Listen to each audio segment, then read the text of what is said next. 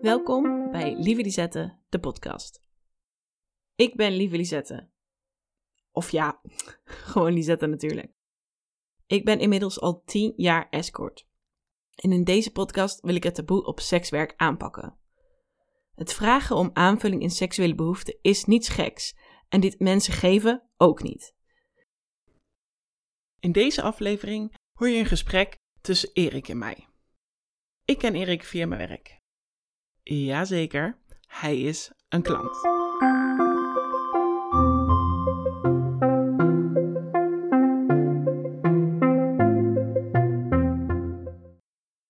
Erik is 48 jaar, woonachtig in Amsterdam en heeft een lichamelijke handicap waardoor hij gebruik maakt van een elektrische rolstoel. Omdat hij vindt dat een handicap niet altijd een beperking hoeft te zijn, bedenkt en maakt hij praktische oplossingen zoals hulpmiddelen en adviseert hij de gemeente over toegankelijkheid in openbare ruimte en hij geeft trainingen onder andere aan medewerkers van het openbaar vervoer over hoe ze contact kunnen leggen met reizigers die wat extra hulp nodig hebben. Ik ken Erik omdat we regelmatig afspreken. En ik weet daardoor dat seks en intimiteit voor hem niet altijd vanzelfsprekend zijn geweest. Omdat hij er nu openlijk over spreekt, leek het me leuk om hem eens te vragen wat sekswerk en daten met mij voor hem heeft betekend. Hoe komt het dat hij er nu zo openlijk over spreekt? Hallo Erik. Hoi. Hoe ben jij tot het punt gekomen om met mij af te spreken? Oeh, dat is een goede vraag. Nou, omdat ik op zoek was naar mogelijkheden om mezelf te ontdekken, te kijken wat ik kan. En ik kwam jouw profiel tegen op internet. En uh, nou, ik heb je niet meteen aangeschreven, dat moet ik wel eerlijk zeggen, want ik vond het allemaal heel spannend om te doen.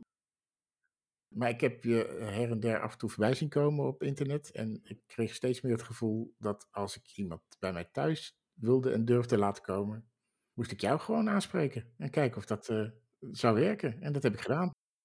En hoe ging dat? Want het is niet dat je zomaar vanuit het niets ineens gaat zoeken naar, naar sekswerk. Nee. Hoe ging dat, dat proces eraan vooraf? Was er een helder moment dat je ineens dacht, ja, nu is het genoeg? Oh, ja, dat is niet één moment, hè. Dat is, uh, nou, hoe lang geleden heb ik je nou uh, gemaild? Volgens mij is dat iets van anderhalf jaar geleden, denk ik. Uh, het is nog niet zo heel lang, ook al voelt het best wel al alsof ik je al een hele tijd ken daarvoor heb ik natuurlijk ook wel heel veel ideeën gehad en behoeftes en, en gevoelens. Um, maar ja, het was meer zo dat ik niet zo goed wist. Nou, ik wist het, nou ja, ik wist het wel, maar ik ben een beetje op ontdekkingsreis geweest natuurlijk voor mezelf. En vroeger durfde ik er ook niet zo over te praten, omdat ik het gevoel had dat dat. Ja, dat je daar niet zomaar over praten, over, sowieso niet over seks uh, en ook niet over je handicap. En als je dat dan ook nog combineert, dan heb je helemaal uh, vaak een onderwerp waarvan je denkt van, nou, ja, durf er gewoon niet zo goed over te beginnen of zo. Dus ben ik eigenlijk heel veel op mezelf bezig geweest met zoeken naar wat dan voor mij uh, misschien een optie zou kunnen zijn. Ja, ik heb ook niet zo'n hele goede dating. Uh, of, gewoon, uh, ik heb niet heel veel vriendinnen gehad of heel veel gedate. Wel geprobeerd, maar op de een of andere manier heb ik me altijd door mijn handicap ook een beetje.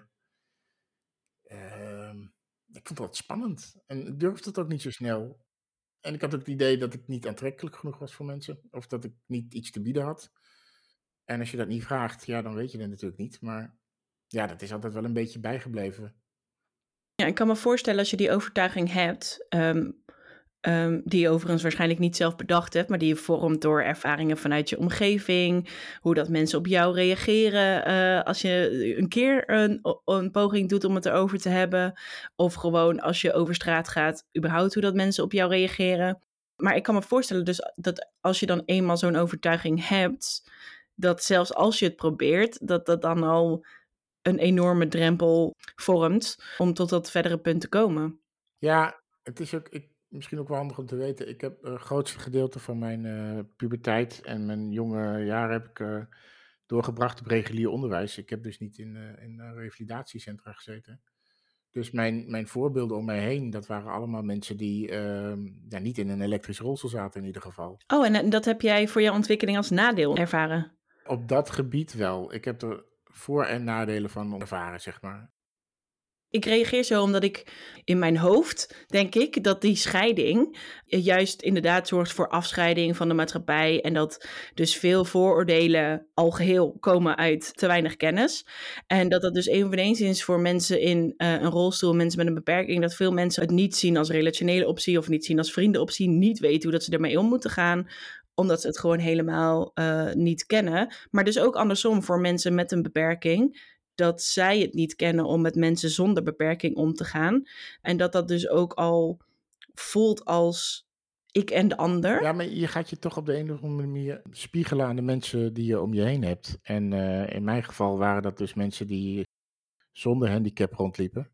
Tenminste, zonder zichtbare beperking. Laat ik dat even voorop zeggen. Want er is natuurlijk veel meer in de wereld dan alleen een elektrische rolstoel. En als die uh, om mij heen allerlei dingen gingen doen die ik niet kon, dan, ja, dan voelde dat toch op de een of andere manier alsof je er dan niet helemaal bij hoorde of zo. En ik heb natuurlijk hele goede vrienden gehad die mij overal bij geholpen hebben. En, en, en daardoor heb ik ook later echt heel veel dingen gedaan en, en ben ik altijd erbij betrokken. Dus het is ook een groeiproces geweest hoor. Maar zeker in het begin vond ik dat heel moeilijk. En al helemaal op het gebied van relaties. Ja, daar heb ik nooit echt hulp bij gehad natuurlijk op, de, op, de, op die manier. Ja, en als ik het dan zo hoor, is het dus eigenlijk meer een gebrek aan rolmodellen. Aan mensen die eruit zien zoals jij, die die dingen kunnen bereiken, al geheel. Laat, laat staan relaties alleen. Ja, ja, nee, zeker.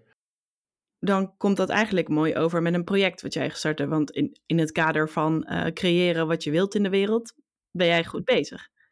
Ja, uh, nou ja, nu ik er wat meer over praat, kwam ik dit onderwerp ook een keer te sprake toen ik met een collega van mij aan het praten was. De collega die uh, verhalen verzamelt eigenlijk over mensen met een beperking. En we hadden dus een heel mooi verhaal gemaakt. En achteraf vroeg ze één keer, maar hoe zit het dan met jou in intimiteit? En toen ben ik haar gewoon gaan vertellen, uh, mijn verhaal zeg maar. En toen zei ze, eigenlijk is dat wel heel mooi op te schrijven. En toen had ik zelf ook zoiets van, ja, volgens mij is dat inderdaad wat we nodig hebben. Verhalen om te laten zien dat het heel normaal is om seksuele en intieme uh, gevoelens te hebben en te willen. En hoe belangrijk ze zijn in je ontwikkeling. Want het is gewoon zo mooi om te zien dat als je daarmee wel aan de slag durft te gaan, hoeveel, je, uh, hoeveel dat toevoegt aan je eigen persoonlijkheid. Ja, we zijn nu inderdaad aan het uh, brainstormen over hoe we dat gaan doen. En zij is gelukkig ook heel enthousiast. En we hebben al een paar mensen ondervraagd en uitgenodigd om een keer eh, te brainstormen of ze het ook een goed idee vinden. En ik krijg echt inderdaad alleen maar enthousiaste reacties. Ja, cool. Cool. En dan gaat het dus specifiek over de verhalen van mensen met een zichtbare of onzichtbare lichamelijke beperking. Dat willen we in het begin wel even op, op focussen, want anders wordt het heel erg breed. Ik wil heel graag alle beperkingen hoor, laat ik dat voorop stellen. Maar ik denk dat je gewoon ergens een begin moet maken. En uh, in dit geval is het gewoon het onderwerp waar ik zelf ook het meeste affiniteit mee heb. Dus ik dacht, laten we dat er maar doen. Maar inderdaad, ja, dat, dat willen we doen. En dan niet alleen maar over hoe je seks hebt. Dat is natuurlijk ook heel belangrijk. Maar vooral waarom en wat het met je doet. En, en hoe de maatschappij daarop reageert. En ja, hoe dat jou kan vormen als jij daar van buitenaf niet een goede respons op krijgt. Of juist wel, hoe fijn dat is. Ja, ik vind, het een, ik vind het een heel belangrijk onderwerp. Het sluit ook helemaal aan waar ik mee bezig ben. Ook al gaat het al geheel gewoon over de seksuele vorming. En dat je, weet je je eigen identiteit spiegelt aan je relatie met de ander. En in de maatschappij is dat toch. Uh, natuurlijk heb je aseksuele mensen, uh, maar, maar voor veel mensen is seksualiteit gewoon een heel erg belangrijk onderdeel van het bestaan. En dat het voelt alsof je niet echt meedoet als je daar niet uh, goed in bent of dat niet hebt of die vervulling niet hebt. En dat geldt ook voor mensen in een relatie, hè? dat het dan al heel snel voelt van oh, het is niet zoals het hoort te gaan of ik mis dingen. En dat voelt dan als falen of niet compleet. En uh, ja, ik denk dat dit soort projecten echt alleen maar bijdragen aan dat meer mensen erover gaan nadenken en praten. En dat maakt de wereld alleen maar mooier. Dus uh, ja, super tof. Mooi project ik hoop gewoon dat als mensen daar zelf over lezen, dat ze dat beeld al krijgen, zeg maar. Want ik heb het dus inderdaad nergens gelezen. Dat is ook een van de dingen waar ik, als ik erover terugdenk, ik heb het toen nooit kunnen vinden, dus het ook nooit normaal gevonden. Dus ja, ik, ben, ik, ik sluit me helemaal bij aan. Ja. Mocht je nou luisteren en denken, hé, hey, maar ik heb eigenlijk ook een heel verhaal, of ik ben eigenlijk benieuwd naar mijn verhaal, ik heb daar nog nooit zo concreet over nagedacht. Nou, zoek dan Erik op op Instagram of stuur mij een berichtje en dan stuur ik je door naar Erik. Ja. Want hoe meer mensen, denk ik, hoe, uh, hoe beter het mhm. project uiteindelijk wordt. ik vroeg me ook af, eh, want we, zijn al weer lekker uitgeweken, Mhm. superleuk. Ehm, maar eh, voordat je met mij eh, hebt afgesproken, we hebben net besproken hoe dat je tot het punt bent gekomen om met mij af te spreken. Maar voordat je met mij hebt afgesproken, heb je ook nog met andere sekswerkers afgesproken. Ja, niet echt afgesproken, want jij bent echt de eerste die ik bij mij thuis heb uitgenodigd. Als in echt inplannen. Dat was de eerste keer. Ook dat, maar ook ja, thuis toelaten. Dat, dat klinkt misschien raar, maar ik, ik vond voor die tijd, misschien wel omdat het zo'n taboe was, vond ik het ook heel raar om dat bij mij thuis te doen. Net alsof ik dat dan. Ja, dat is, dat- ja ik vind het lastig uit te leggen, maar ik eh, had altijd het gevoel dat omdat het dus raar was, dat ik het beter buiten de deur kon doen, omdat niemand het dan wist of zo. En dan kon je het altijd voor jezelf houden en een beetje geheim en een beetje stiekem. Gescheiden van je echte leven. Ja, precies. Dat je een soort, ja, bijna inderdaad een alter ego, wat ook af en toe los moet of zo. Dat, Ja. Ja, dat klinkt heel. Achteraf vind ik het heel dom, maar toen de tijd vond ik dat, was dat heel normaal om dat op die manier te doen. Was dat voor mij de veilige manier. Ja, Ja, ik denk dat het heel normaal is om dat te doen. En er heerst natuurlijk ook, ook echt wel wat stigma op, op. Op het vragen om hulp en vervulling hierin. Dus ja, veel mensen doen dat dan toch een beetje ook op die manier. Ik herken dat wel. Ja. Ja. oké. Maar hiervoor heb ik inderdaad wel eh, contacten gehad. Ik, heb, ik kom oorspronkelijk uit Arnhem. Daar heb ik naast een tippelzone gewoond. Oh, nee, niet naast een tippelzone, sorry. Naast een raamprostitutiebuurt. Daar heb ik inderdaad mijn eerste stappen gezet. Maar ook na heel lang eh, passen. en eh, toen dat opgegeven werd, ben ik zelfs een keer naar die tippelzone geweest, die ze wel hebben daar. En daarna ben ik naar Amsterdam verhuisd. En eh, nou ja, de Wallen. Wie kent ze niet? Kan je vertellen hoe dat die eerste ervaring was? Heb je daar ook lang over nagedacht? Heb je je voorbereid? Hoe verliep die afspraak, zeg maar, in zijn geheel? Zou je dat kunnen vertellen?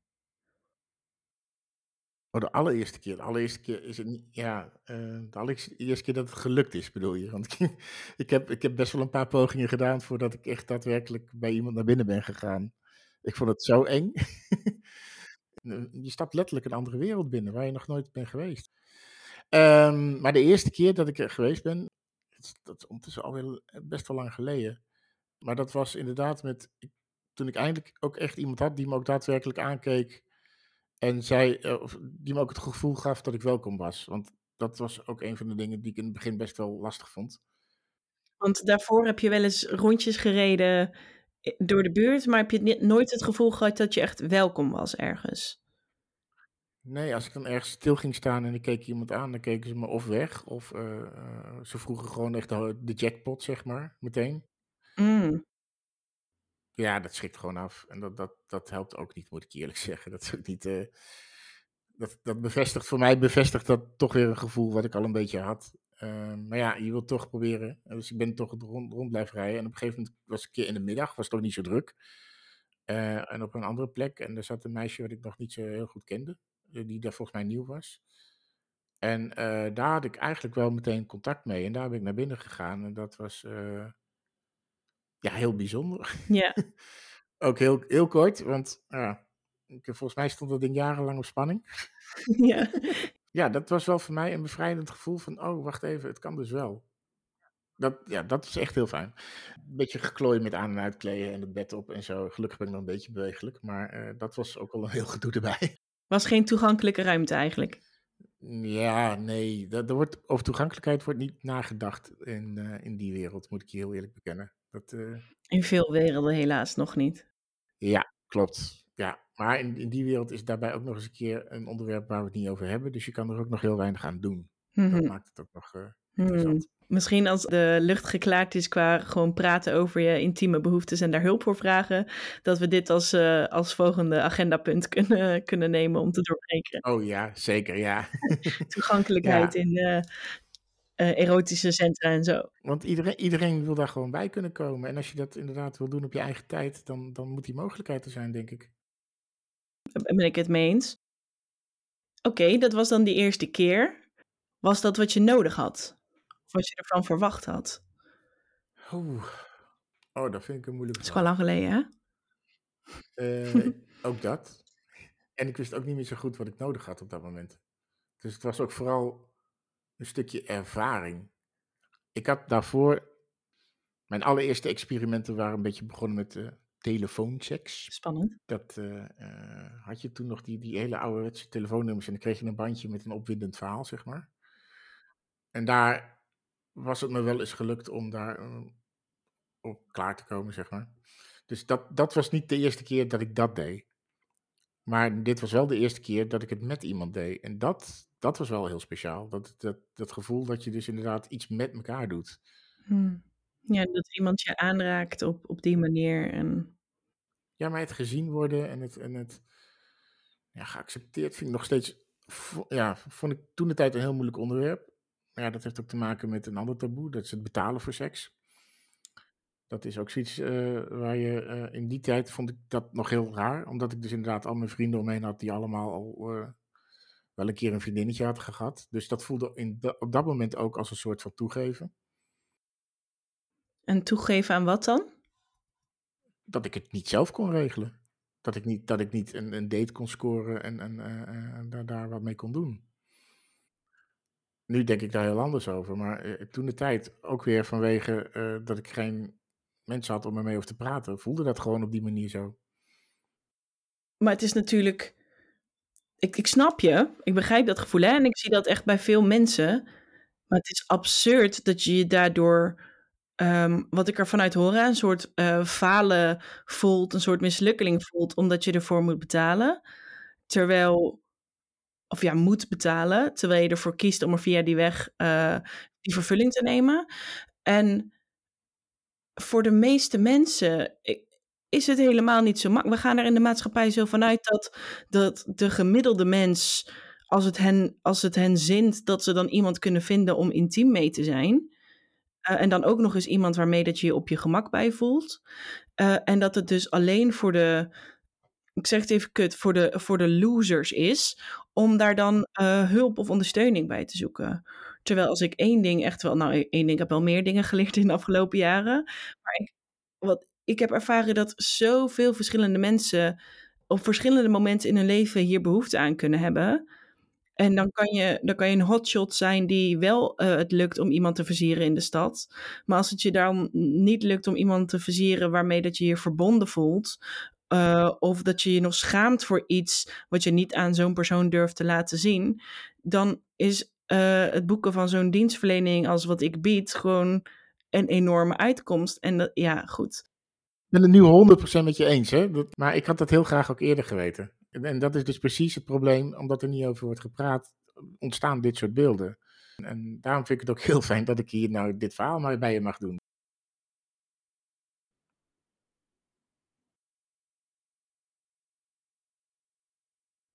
Oké, dus we, we, hebben nu, weet je, we, we hebben elkaar ontmoet. Je hebt uiteindelijk eens met mij afgesproken na de andere ervaringen.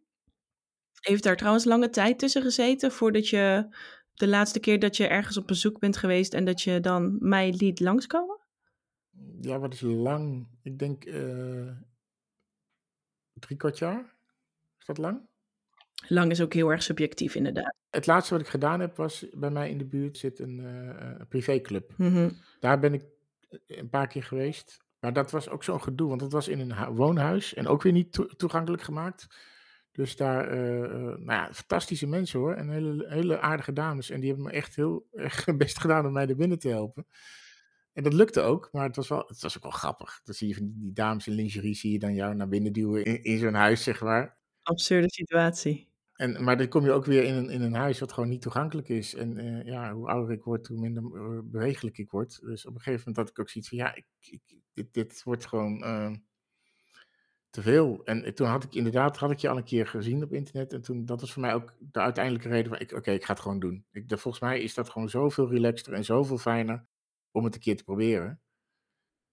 D nou, vandaar dus. En nou ja, moet ik zeggen, ik het is de beste keuze die ik ooit gedaan heb. Oh, oh. Nee, ja, maar echt, echt.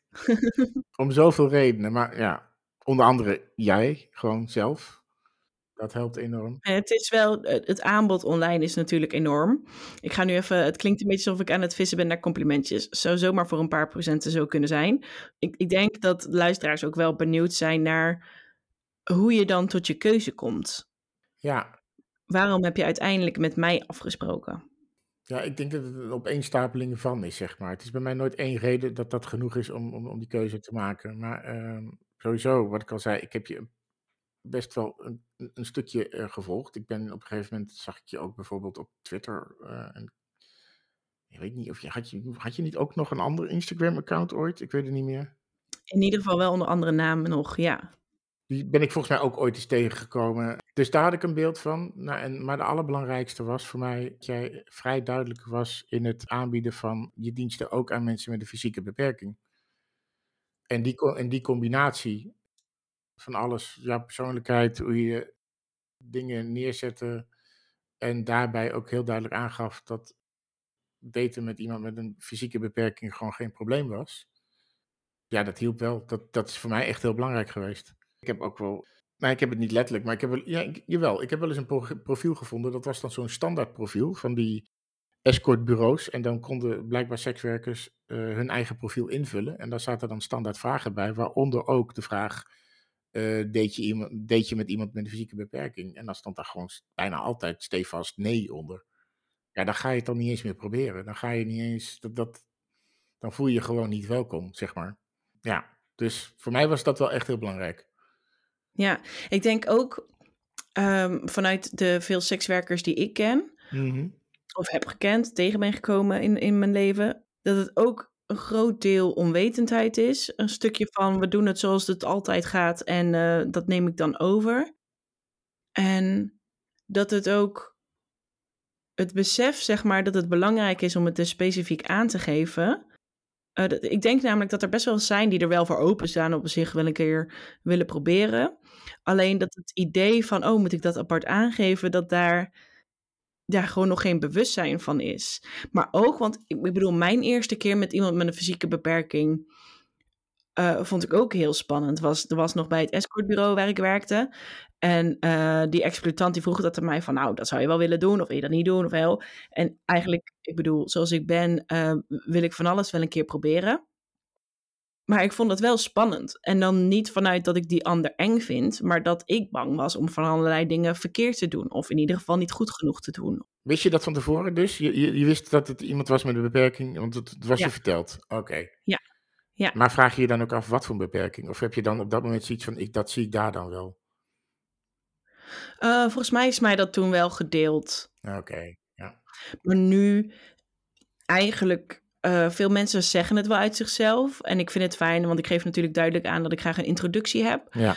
Maar het hoeft niet van mij. Ik, uh, je mag het vermelden, inderdaad. En welke beperking en wat dat met zich meebrengt. Maar eigenlijk, inmiddels heb ik voldoende ervaring en vertrouwen dat ik weet van, joh, we, het komt sowieso wel goed. En we vinden wel een, een manier, ook als we bijvoorbeeld niet kunnen spreken met elkaar. Ja, dan zijn er genoeg manieren om toch die communicatie over te brengen en het leuk te maken voor beide, beide partijen. Ja, maar goed, ik denk wel dat je daar redelijk uniek in bent hoor, nog. En ik hoop natuurlijk dat dat wel gaat veranderen in de loop der jaren. Maar het is ook wel een van de redenen waarom ik, je, waarom me zo prettig voel bij jou. Dat uh, is, is juist die, die, die, die, dat openstaan, zeg maar. En niet in, niet in barrières denken, maar gewoon kijken naar de mens die voor je staat. En oh, daar, daar zit ook nog een stukje beperking bij. Nou, toevallig dan. Ja, en natuurlijk alle andere dingen. Ik bedoel, als je jou je profiel leest en uh, je kan ook nog een beetje de nerd uithangen, nou, dan ben ik helemaal gelukkig. ja, dankjewel. Dus het is een stukje persoonlijkheid wat je in mij zag. Een stukje herkenbaarheid wat je, dat je mij al vaker had gezien. Qua marketing heb ik geleerd dat is herkenbaarheid is een heel belangrijk punt. En um, uh, een, een stukje duidelijkheid dat je weet waar je aan toe bent en dat je zelf niet. Want je kan natuurlijk ook iedereen op, op, uh, uh, die op een advertentie staat gaan mailen van: hey, ik heb een lichamelijke beperking, sta je daarvoor open? Maar niet die uh, afwijzing aangaan is natuurlijk. veel, of niet, zeg maar, niet de mogelijkheid hebben totdat je misschien afgewezen kan worden, ehm, is natuurlijk veel fijner. En dat je dan gewoon tevoren gewoon weet waar je aan toe bent. Nou, uiteindelijk spreken wij dus af en toe af. Is er een bepaalde manier waarop jij je voorbereidt op een afspraak? Ja. Ja? Ja, goed, sowieso. Word je een beetje verlegen ervan? Uh, nou ja, misschien wel. Maar ja, het heeft ook wat te maken met, ja... Ik, bedoel, ik ken je nu iets langer. En eh, ik heb daar ook wel een traject in meegemaakt natuurlijk. Hè. Wat dat betreft ben je heel belangrijk voor me geworden. Dus het zijn ook hele fijne, eh, fijne afspraken. Dus ik, ja, tuurlijk bereid ik me daarop voor. Nou ja, sowieso kwam ik al vrij snel achter dat we allebei wel in ieder geval van in ieder geval een beetje lekker eten houden. en ik vind dat zelf een hele fijne manier om de spanning op te bouwen, zeg maar. Om de tijd te nemen voor elkaar. Dus dat je niet letterlijk meteen. Ik vind het gewoon fijn om eerst even de- de tijd te nemen om, om even weer eh, op elkaar af te stemmen. En dat, doe je, dat, dat werkt heel goed met, met eten, vind ik. Omdat je even de tijd hebt om te praten en dat soort dingen te doen. En ehm, ja, dat dus. Dus ik zoek altijd wel even kijken of ik nog iets kan bedenken wat je, waar, waar ik je nog mee kan verrassen. en voor de rest natuurlijk zorg ik gewoon dat alles in orde is. En, en dat, alle, ja, dat overal bij kunnen komen. En dat we geen gekke dingen hoeven te doen om erbij te komen. Alhoewel, misschien ga ik dat de volgende keer juist wel doen. Obstakelparcours, lijkt me ook een keer leuk. oh ja, tof. Ja, met jou afspreken, dat is niet iets wat ik over het algemeen 24 uur van tevoren doe. Dus het is een heel traject in je hoofd ook. Dat, dat hoort ook bij die voorbereiding. Dus, dus ik vind het zo fijn om, om er naartoe te leven en ergens naar uit te kijken. Soms spreek ik met mensen twee maanden van tevoren af. Ik, ik weet eerlijk gezegd zo uit mijn hoofd niet wat de langste periode is geweest, zeg maar, tussen het afspraak maken bij ons en dat er ook echt een afspraak is. Maar is er een vaste tijd, zeg maar, voor de afspraak dat je, dat je dingen begint te voelen? Dat, die, dat de spanning vooraf begint te komen? Of het plezier vooraf? Ja, nou ja, ik, ik, kan niet precies aangeven wanneer dat is. Maar het is, eigenlijk is dat al vanaf dat we gewoon hebben gezegd, dit gaat gebeuren. En je mag best weten, ik, ik denk best veel aan je. Ook los daarvan nog, best wel. Eh, maar het feit dat er dan een moment aan zit te komen waar je weet, ja, we gaan elkaar weer zien. We gaan weer gewoon echt fijn met elkaar op één golflengte zitten. Dat is een beetje mijn samenvatting. hoe, dichterbij dat komt, hoe, fijner dat gevoel wordt. Maar ook wel weer spannend. Van, oh, oh jee, ga ik het nou deze keer niet verknallen? Of wat dan ook, weet je wel. en ik moet ook zeggen, ik ben de laatste tijd best wel veel aan het werk. En dan ga ik me, en dat heb ik me nu voorgenomen, om echt, mocht het, zodra het weer kan, eh, ga ik gewoon de hele dag vrij plannen. Want dat is gewoon zoveel fijner en relaxter. En dan kun je er en naartoe leven en daarna ook nog van genieten, nagenieten, zeg maar. Want dat zijn de dingen die. eh, eh, het is gewoon zonde als je dat niet doet. ben ik achtergekomen. Oké, ja, mooi. Want inderdaad, het begint. Het, het begint gewoon s ochtends vroeg al. Want je weet dat het die dag gaat gebeuren. Dus ja, dan. dan ja. Ja, wat begint er dan? Nou ben ik nieuwsgierig. Nou ja, ik, eh, in mijn geval, ik, ik heb hulp nodig bij het aan- en uitkleden. Dus dan, dan, dan zorg ik wel even dat alles fris en vrolijk is. Dan heb ik wel een heel goed humeur die dag. Ik heb dus wel de juiste hulp nodig erbij. Dus dan eh, moeten mensen me even extra aandacht geven. En dan ga ik nadenken over het eten, het klaarzetten. Misschien alvast een muziekje uitzoeken. Toch een beetje heen en weer rijden. ja, even de kat, aan de kat echt extra aandacht geven. ja. ja, weet, het is niet één vast ritueel, maar ik, ik merk wel dat ik er gewoon echt naartoe leef. Dus ja. Ja, leuk om te horen. Je be- je bent niet de enige, hè? Nee, dat mag ik toch hopen. Nee, ik vind het ook altijd iedere... Ja, goed. ja, nou ben ik ook wel stiekem benieuwd hoor. Ja. Ja, oh ja, nou, goed. iedere afspraak leef, ik er naartoe en ben ik ook weer benieuwd van hoe, hoe het gaat lopen. Ik vind het ook altijd weer spannend. En het is, het is natuurlijk wel in andere mate dan dat jij het ervaart, want die verhouding... eh, die verhoudingen zijn anders van hoe vaak ik andere mensen zie in, in tegenovergesteld van jou. Maar ja, ik, ik, ik vind het altijd iedere keer weer leuk. Ja, goed, dan, dan heb je je dus voorbereid. Je hebt al een aantal weken kunnen fantaseren en bedenken wat we dan gegeten hebben. We hebben weer een leuke date gehad, want het is altijd een leuke date.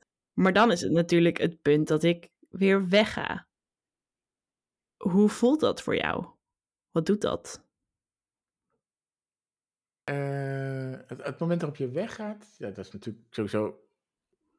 Ja, dan hebben we vaak gewoon een heel fijne tijd gehad. En dan, dan ben ik gewoon echt aan het nagenieten. Dat vond, ik, dat vond ik dan heel fijn. En natuurlijk, het mag voor mij altijd langer. Maar eh, aan de andere kant is het ook goed dat er dan weer een einde is, denk ik dan of zo. Dus dat, dat, dat gaat wel fijn. En dan eh, heb ik de laatste keer.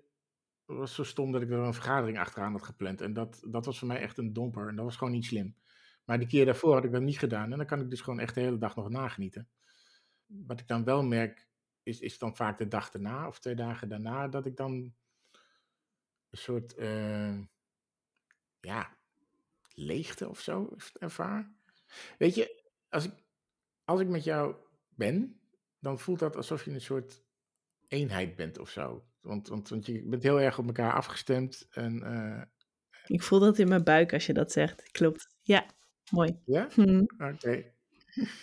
Ja, maar en, en op het moment dat er iemand dan weggaat, dan ben je dus niet meer die eenheid. En dan moet je dus weer terug naar jezelf. En dat is, dat is een proces.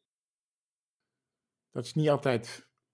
Dat is heel stom. Maar ja, dat is aan de ene kant niet fijn. Aan de andere kant is het ook weer wel fijn, omdat ik er dan nu, nu steeds beter over naleer denken. Als in van eh, hoeveel meerwaarde het dus heeft, het zijn met jou. Maar, maar het, het, is wel even, het is wel echt even een gemis, dat klopt. Op dat moment. Het is een beetje een, ja, een soort blues of zo. En is dat. ehm, Nou goed, Nu- dus, want je zei net van eh, de, een, een meerwaarde die het heeft om met mij af te spreken. Wat je daar allemaal verder aan hebt naast dat het een, een leuke date is. Op welke manieren is afspreken met mij belangrijk voor jou geweest? Nou, op heel veel manieren. Dus als ik even kijken waar ik ga beginnen zelfs. Sowieso, de eerste keer dat je bij me was, dat, dat voelde gewoon heel, heel eh, veilig en geborgen. En, eh, d- dus dat, dat was al de meerwaarde. Dat ik zoiets had oh, dus dit is ook een manier waarop ik dit kan beleven en, en mag beleven. En, en dan ook nog met, met jou. Dat, dat helpt ook heel veel. Dus, dus dat, dat was meerwaarde nummer één. Eh, meer, meerwaarde nummer twee zit hem vooral in, in dat ik met jou echt eh, een, een band op heb gebouwd. En nou, je mag ook best wel weten, dat heb ik je al een keer eerder verteld, maar ik vertel het graag nog een keer. Ik ben eh, best wel keihard verliefd op je geworden op een gegeven moment. Hm. En da- da- da- daar komt een aantal dingen. Punt één, dus dat dit blijkbaar dus mogelijk was. Dat ik dus gewoon eh, zo fijn eh, tijd kan hebben met iemand die mij op die manier gewoon ja, zag staan of zo. Dat is, ja, het klinkt heel banaal, maar dat is eigenlijk wel de hoofdvoorwaarde geweest. Dus, en dus ook het gevoel had dat ik me niet hoefde te bewijzen of zo. Eh, dat, dat, dat kon ik allemaal achterwege laten. Ik kon gewoon mezelf zijn. En weet gewoon zeker dat jij ook jezelf bent. En dat vind ik heel fijn. Dat je ook niet probeert iemand anders te zijn. Nou ja, misschien wel een beetje, eh, eh, maar dat doet iedereen. Iedereen heeft een plek. ehm, eh, met iedereen die omgaat, ga je andersom, laat ik het zo zeggen. Komt even een gemene vraag van mij.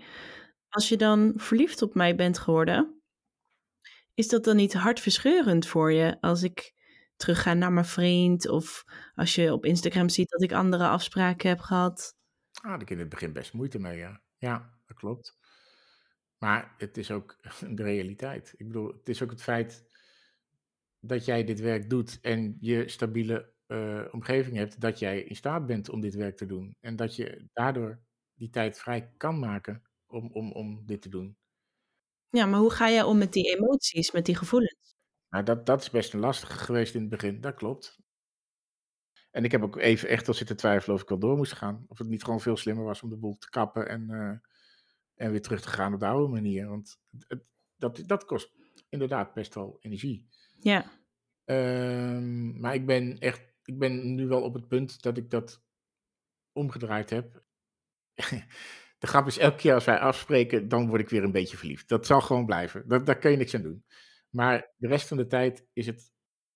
Ik, ik hou gewoon van je zoals je bent nu. Dat, ik vind het een soort het- het liefde. Daar kan ik heel goed mee omgaan. Ik ben gewoon blij dat ik je ken. En, en dat is voor mij belangrijker dan eh, dat ik probeer dat verliefdheid eh, continu vol te houden of zo. ja, want tegenwoordig is het dus niet meer zo moeilijk als dat het in het begin was. Ehm, nee. Ja, nee. dat begreep ik Oh, uit wat je net ja. zei. Ja, nee, maar dat is, dat is ook zo. Het, het, het, is, het wordt makkelijker, maar dat heeft ook te maken met ik- dat ik gewoon weet dat ik op deze manier met jou samen kan zijn. Dat vind ik gewoon fijn. En dat is voor mij zoveel waard dat ik eh, daar eh, over na heb gedacht hoe ik daar dan mee om moet gaan. En het is wel een stukje wat je in je hoofd moet doen hoor, want ja, dat is een beetje raar aan je lijf. Dat eh, lijf werkt niet altijd mee daarin. Kijk, houden van is natuurlijk iets, iets heel aparts. Hè? Ik hou van heel veel mensen. En ik hou van iedereen op een andere manier. En ik ben er gewoon achter gekomen dat ik gewoon op een bepaalde manier van jou hou. Net als dat ik ook van andere mensen hou. En eh, dat is voor mij de sleutel geweest. Houden van is niet exclusief. Het is niet het feit jij per se alleen van mij moet houden om dit gevoel te hebben. Ik, ik, heb, ik, ik weet gewoon dat jij van heel veel mensen houdt. Want daar hebben we het ook wel eens over gehad. Ja, dat vind ik zo mooi om te zien. En ik denk dat dat ook je kracht is. En, en, en, ik probeer dat ook mijn kracht te maken. En ik denk dat dat steeds beter lukt. Want ik, ik hou gewoon best wel van veel mensen. Alleen, ja, van jou op een andere manier dan van anderen. Ik herinner me dat je ooit eens uh, zei dat je niet gelooft dat je twee keer op dezelfde manier lief kan hebben. En dat vond ik ook heel erg mooi. En ik herken dat zelf ook. Dat we hebben vaak het idee dat we met verliefdheid en met die, met die gevoelens, met die hormonen die daarbij komen, dat we daar iets mee moeten. Want verliefdheid betekent dat dit de ware is, of dat je de, de persoon is, of de. Uh, en natuurlijk, verliefdheid doet ook dat je gewoon graag bij de ander wil zijn, of dat je daar. Maar het is niet per se. Je kan daar in het moment van genieten. Het vereist misschien inderdaad wat, wat um, uh, hersentraining om, om die, dat brein ook stil te houden van nee, je hoeft hier niet iets mee. Um, en ook dat je er niet per se iets dramatisch van hoeft te maken. Maar, je, maar als je dat dus eenmaal kan, dan kan je gewoon genieten van liefde die er is in het moment. Um, en, en ik ervaar dat dus ook. Ik, wat jij dus zegt, ik heb ook heel veel liefde. En als ik met jou ben, word ik ook iedere keer weer een beetje verliefd. En, uh, um, en dat heb ik vaker zo. En ik heb daarmee mee leren omgaan. Maar dat is iets wat nou voor mij een soort gave is, denk ik. Of iets waarmee ik, wat, wat heel veel voordeel heeft in mijn werk. En dat het dus ook echt is, net zoals wat je zegt, uh, dat je niet twee keer op dezelfde manier van iemand kan houden, is ook die intimiteit die je met iemand hebt, de relatie die je met iemand hebt. En dan dus ook de seks die je met iemand hebt. Ik, daar geloof ik eveneens in dat dat nooit met andere personen op dezelfde manier kan als dat je dat met iemand anders hebt gehad. Want jullie verhoudingen zijn anders en dat is uniek voor, voor jullie. En dat maakt het ook mooi, weet je wel. Je bouwt, je bouwt dat samen op uit jullie eigen um, uh, persoonlijkheden en gevoelens. En ja, nou, dat, dus daar, ja. Ja, ja maar dat, dat, is ook, dat is ook uiteindelijk wat, wat mijn, uh, waarom ik het dus zo eh, goed mee om kan gaan, is ik weet dat wat ik met jou heb, dat ik dat met jou heb en niet met iemand anders. En, en, en dat geldt voor jou ook. Dus we hebben, we hebben iets unieks. En, en dat vind ik mooi. Ik vind dat stukje, dat maakt het het moeite waard. En dat hoeft niet uh, exclusief te zijn. Dat is wat anders, hè? Dus, uh, maar gewoon dat ik weet dat wij een connectie hebben die gewoon voor ons geldt. Dat vind ik echt heel fijn. Ja. En daar hebben we natuurlijk eerder ook al vandaag gehad over het belang van intimiteit en relaties op het bouwen van je eigen seksuele vorming. Hoe is jouw groei daarin geweest, jouw ontwikkeling daarin geweest? Nou, dan gaan we even helemaal terug naar het begin. oh, ja, nou niet per se, maar als in, uh, als ik het goed begrijp, is, ben ik de eerste persoon waarmee dat je echt op dit intieme niveau een band opbouwt. Ja, absoluut. Zo'n relatie, ik, ik noem het toch, ik, ik vind het een relatie, ook al is het niet zoals volgens de maatschappelijke norm. In een relatie heb je dus die veilige ruimte, omdat je steeds weer ervaart van hé, hey, ik mag mezelf zijn, ik kan mezelf laten zien. En dan kom je dus steeds makkelijker op dat punt van ontspanning en uh, geborgenheid. En ja. dat zorgt ervoor dat daar een vrije ruimte ontstaat waarin je jezelf mag gaan ontdekken op een manier die op andere plekken in de maatschappij niet kunnen. Dat, ja, dat is wel ja, dat is interessant. Dat is, uh, ik heb natuurlijk de andere vormen waar ik intimiteit in heb beleefd, dat was altijd uh, uh, buiten de deur. En dat heeft natuurlijk als één groot nadeel ook dat het heel erg tijdsgebonden is. Dat is dit ook hoor, met jou. Maar het feit dat het dan ook nog in zo'n, zo'n ja, hoe zeg ik het goed uit? Nou goed, ik heb nog nooit echt de vrijheid gevoeld om, om, om, om mezelf te kunnen zijn. Maar wel om een heel klein beetje mezelf te ontdekken. En doordat we de tijd voor elkaar hebben en, en tijd ook kunnen nemen, durf ik ook veel meer mezelf te zijn daarin. Maar de grap is dat ik dan denk dat ik mezelf ben en dan ook weer af en toe dingen niet van mezelf heb. ik kan me nog herinneren dat ik laatste keer iets tegen je zei over van misschien wil ik dat en dat nog wel eens een keer proberen. Oké. Maar dat, dat is ook wel interessant, want ik heb, ik heb een boek gekocht hè, met verhalen over mensen met een beperking eh, en, en seks en intimiteit. En daar kwam heel veel Hoe heet het? eh, Love, Lust and Disability. Ik, eh, ik zal je de link even doorgeven, misschien dat mensen dat Want het is echt een heel mooi boek. En het is ook, een van, ook nog een andere reden waarom ik de verhalen wil vertellen. Maar los daarvan. Eh, maar daar zitten heel veel mensen in die een bepaalde vorm van kink hebben, omdat ze eh, met pijn om leren gaan. Zeg maar. En een van de andere dingen die ze daarin hebben is eh, het gevoel dat mensen altijd te voorzichtig met je omgaan, omdat je een handicap hebt. En dat ze dus willen de, dus het gevoel hebben van, nou, ik wil ook wel eens een keer dat iemand niet voorzichtig met me omgaat. En ergens had ik na het lezen van dat boek het idee van dat ik dat ook had. dus Cool, dat je gewoon hier even zegt, misschien wilde ik iets kinkies proberen. Hm. Nou ja, ik, ik sluit het niet uit. Maar ik bedenk me nu ook dat als ik gewoon denk aan hoe wij met elkaar omgaan, dat ik eigenlijk da- daar eigenlijk helemaal niet zoveel aan hoef te veranderen. Omdat ik het gevoel heb dat wij elkaar best goed aanvoelen. Oh, dat is lief. Ja, misschien komt er nog een moment dat we in de sleur raken en Oh, dat we gaan, eh, gaan experimenteren. ja, daarom. En dan bring out the toys. Dat komt helemaal goed. Maar ja, Nou ja, het kan in, in het is, en, en anders is dit, stel, dan, stel dat je toch denkt, ja, ik wil het proberen, maar het voelt niet goed. ja. Dat, dat je dus net zei van ook dingen die dus niet per se mezelf zijn. Mhm. Op die manier kun je dat dus gaan, gaan uitbreiden of afbakenen. Dat je denkt, oh nee, dit, was het, dit is hem dus eigenlijk absoluut niet. Weet je, ik ben helemaal niet voor de, eh, je moet alles proberen eh, eh, voor, je, voor je doodgaat. Want als iets je niet aanspreekt, why the hell zou je het dan doen? Ik heb zo mensen die echt lijstjes af willen werken. Ik snap dat niet. Maar ja, dat is wel echt een manier om ook te ontdekken wat het dan toch niet is. Weet je wel? Dat je denkt, ja, dat is vast iets voor mij. Maar oh nee, zo'n persoon blijk ik toch niet te zijn. En ook kink kan op zoveel verschillende manieren. Ja. Ik denk dat dat ook iedere dom-sub-relatie weer uniek is per dom-sub. Maar goed, dat is niet per se mijn, eh, mijn expertise eh, gebied. Maar ja, goed, Erik. Eh, ja, je bent, ja, ja, ik kom weer met mijn s- super radio stem er even doorheen. Ehm Kom er maar op. om er maar. Goed, Erik.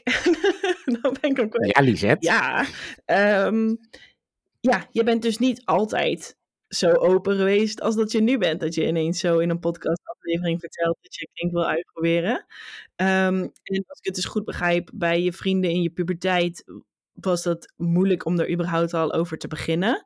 Ehm, hoe, hoe kom je in hemelsnaam tot het punt dat je nu op televisie en podcasten openlijk vertelt dat je met, met sekswerkers afspreekt en eh, dat je seksuele ontwikkeling eh, voor mensen met een beperking belangrijk vindt?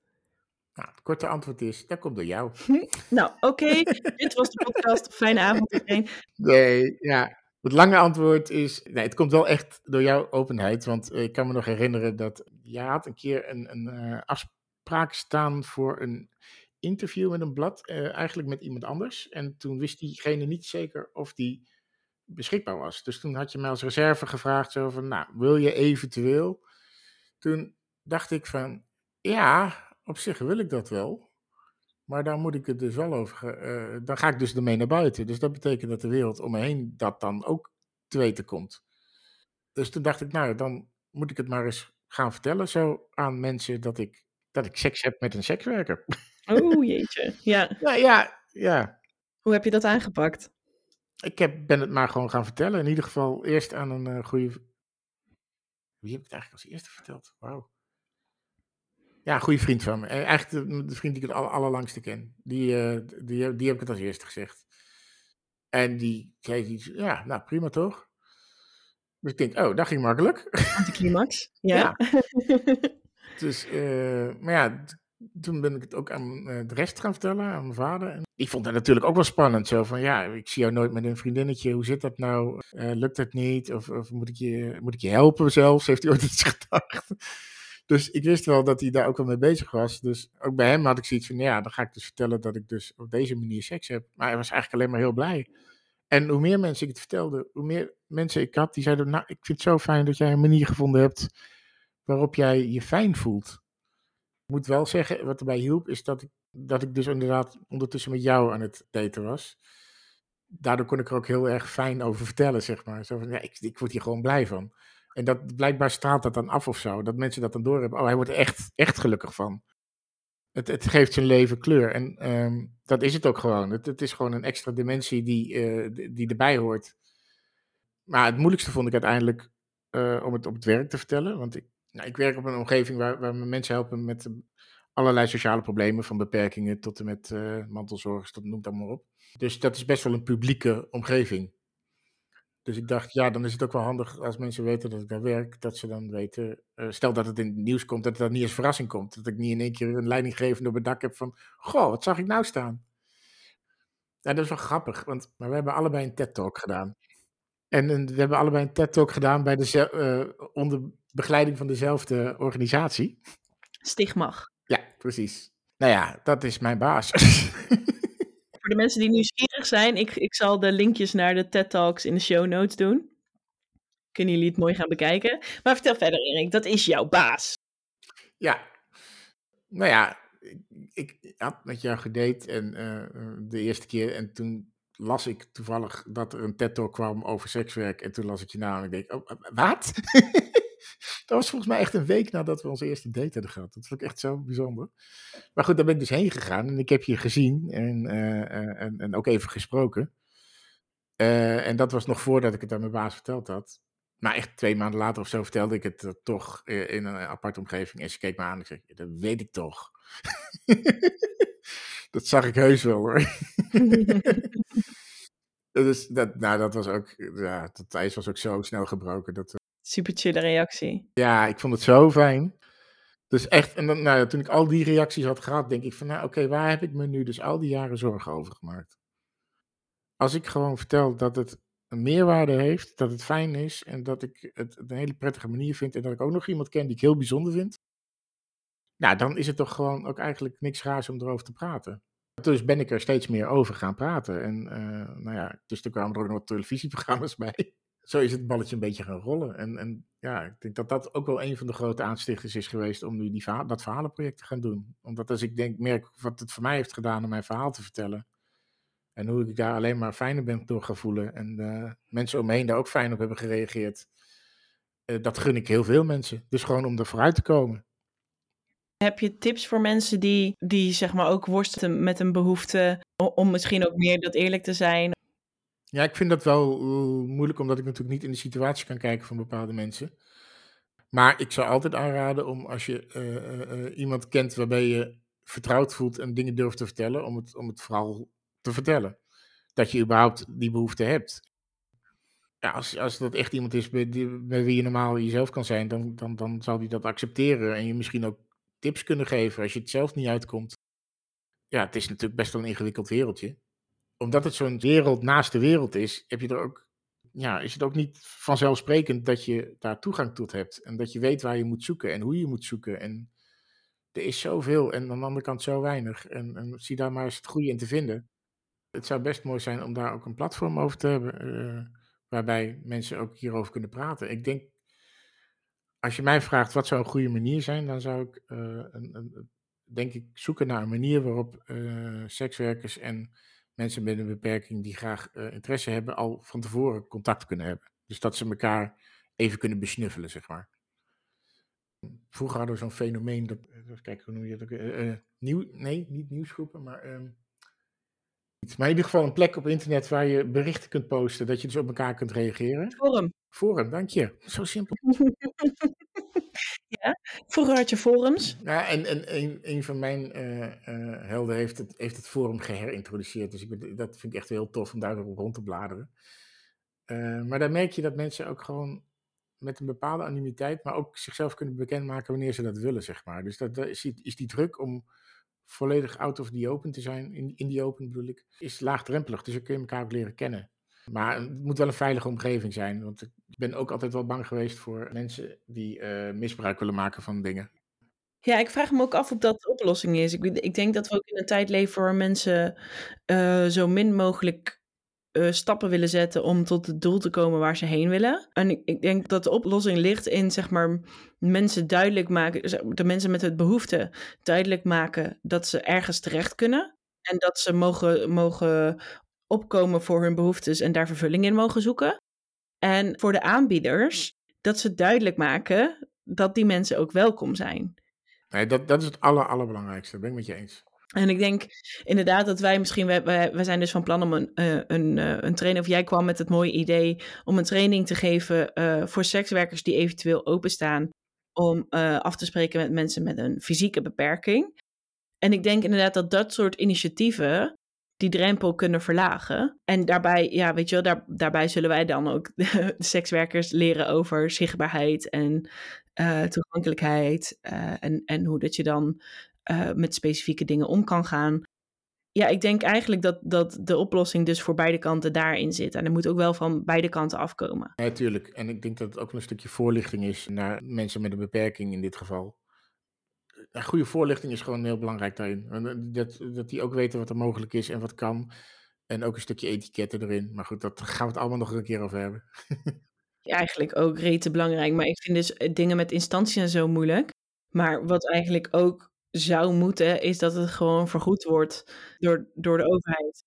Ik ben voor uh, vergoedingen voor mensen met een beperking, maar ik ben ook voor vergoedingen al geheel voor mensen die gewoon behoefte hebben aan. Want het is, ik vind dus, ik denk dat je het ergens met me eens bent hierin, maar correct me if I'm wrong ik vind dus heel het idee van, ja, voor mensen met een beperking moet het vergoed worden, want zij kunnen het zelf niet. Daarmee zeg je dus inderdaad, want zij kunnen het zelf niet. Dus daarmee hou je het ook een soort van in het onmogelijke dat, dat zij, uh, dat, dat die groep zelfstandig aan, uh, aan intiem contact kan komen. Plus de, de mensen zonder lichamelijke beperking, die het dus ook niet lukt om uh, zelfstandig aan fysiek of intiem contact te komen, die zijn dan al helemaal de losers, waar we het in het begin al over hadden.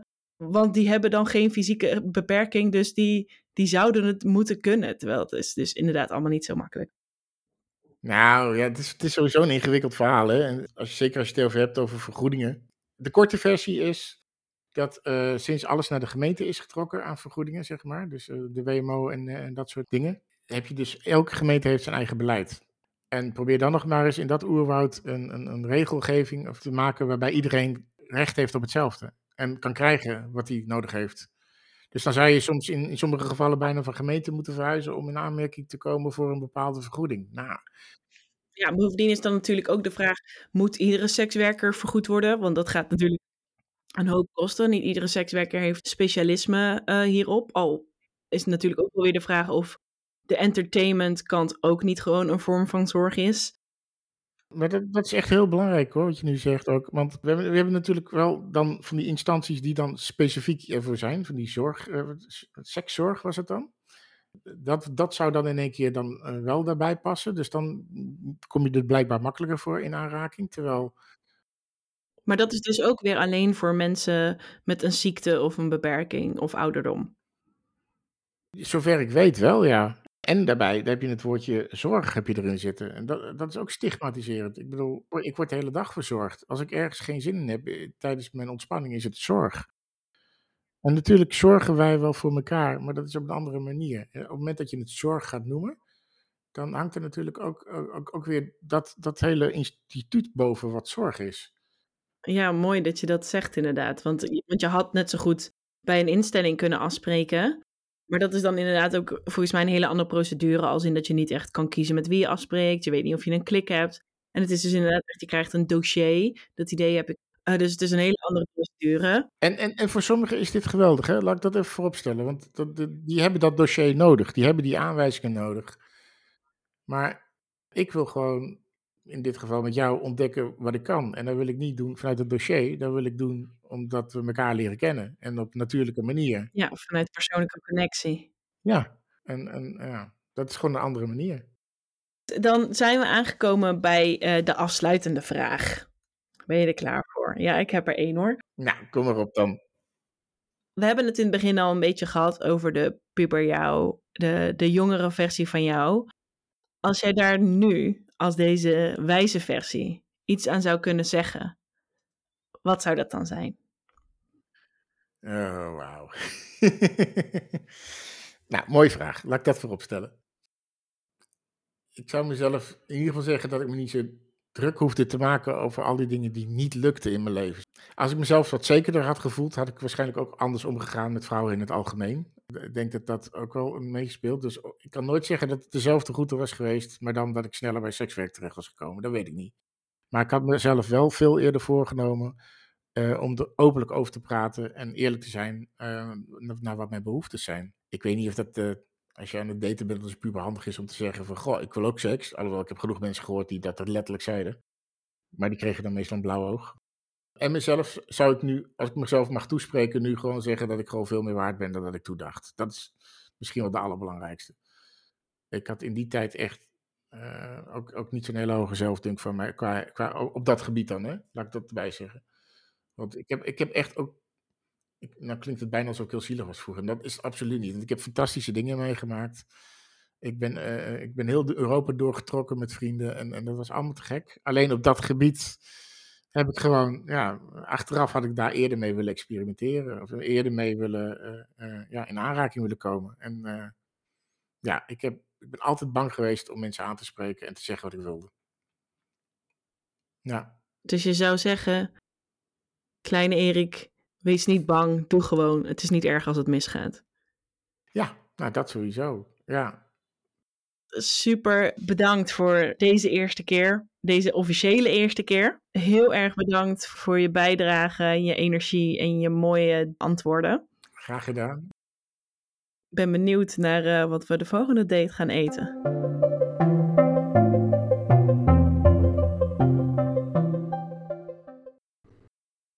Dit was alweer de tweede aflevering van Lieve Lisette, de podcast. Ik hoop dat je wat inzicht hebt gekregen na dit gesprek. In de volgende aflevering ga ik jullie vertellen hoe ik ben begonnen als escort. Waar ik ben begonnen, hoe dat ging, hoe mijn eerste date verliep. Je zal het allemaal horen. Voor nu wil ik je natuurlijk vragen om deze podcast te delen, te liken, goede recensies te geven, al die meuk. En mocht je mij willen volgen, dan kan dat op Instagram, lieve-lisette. Mocht je Erik zoeken, stuur mij dan een berichtje of kijk in de show notes.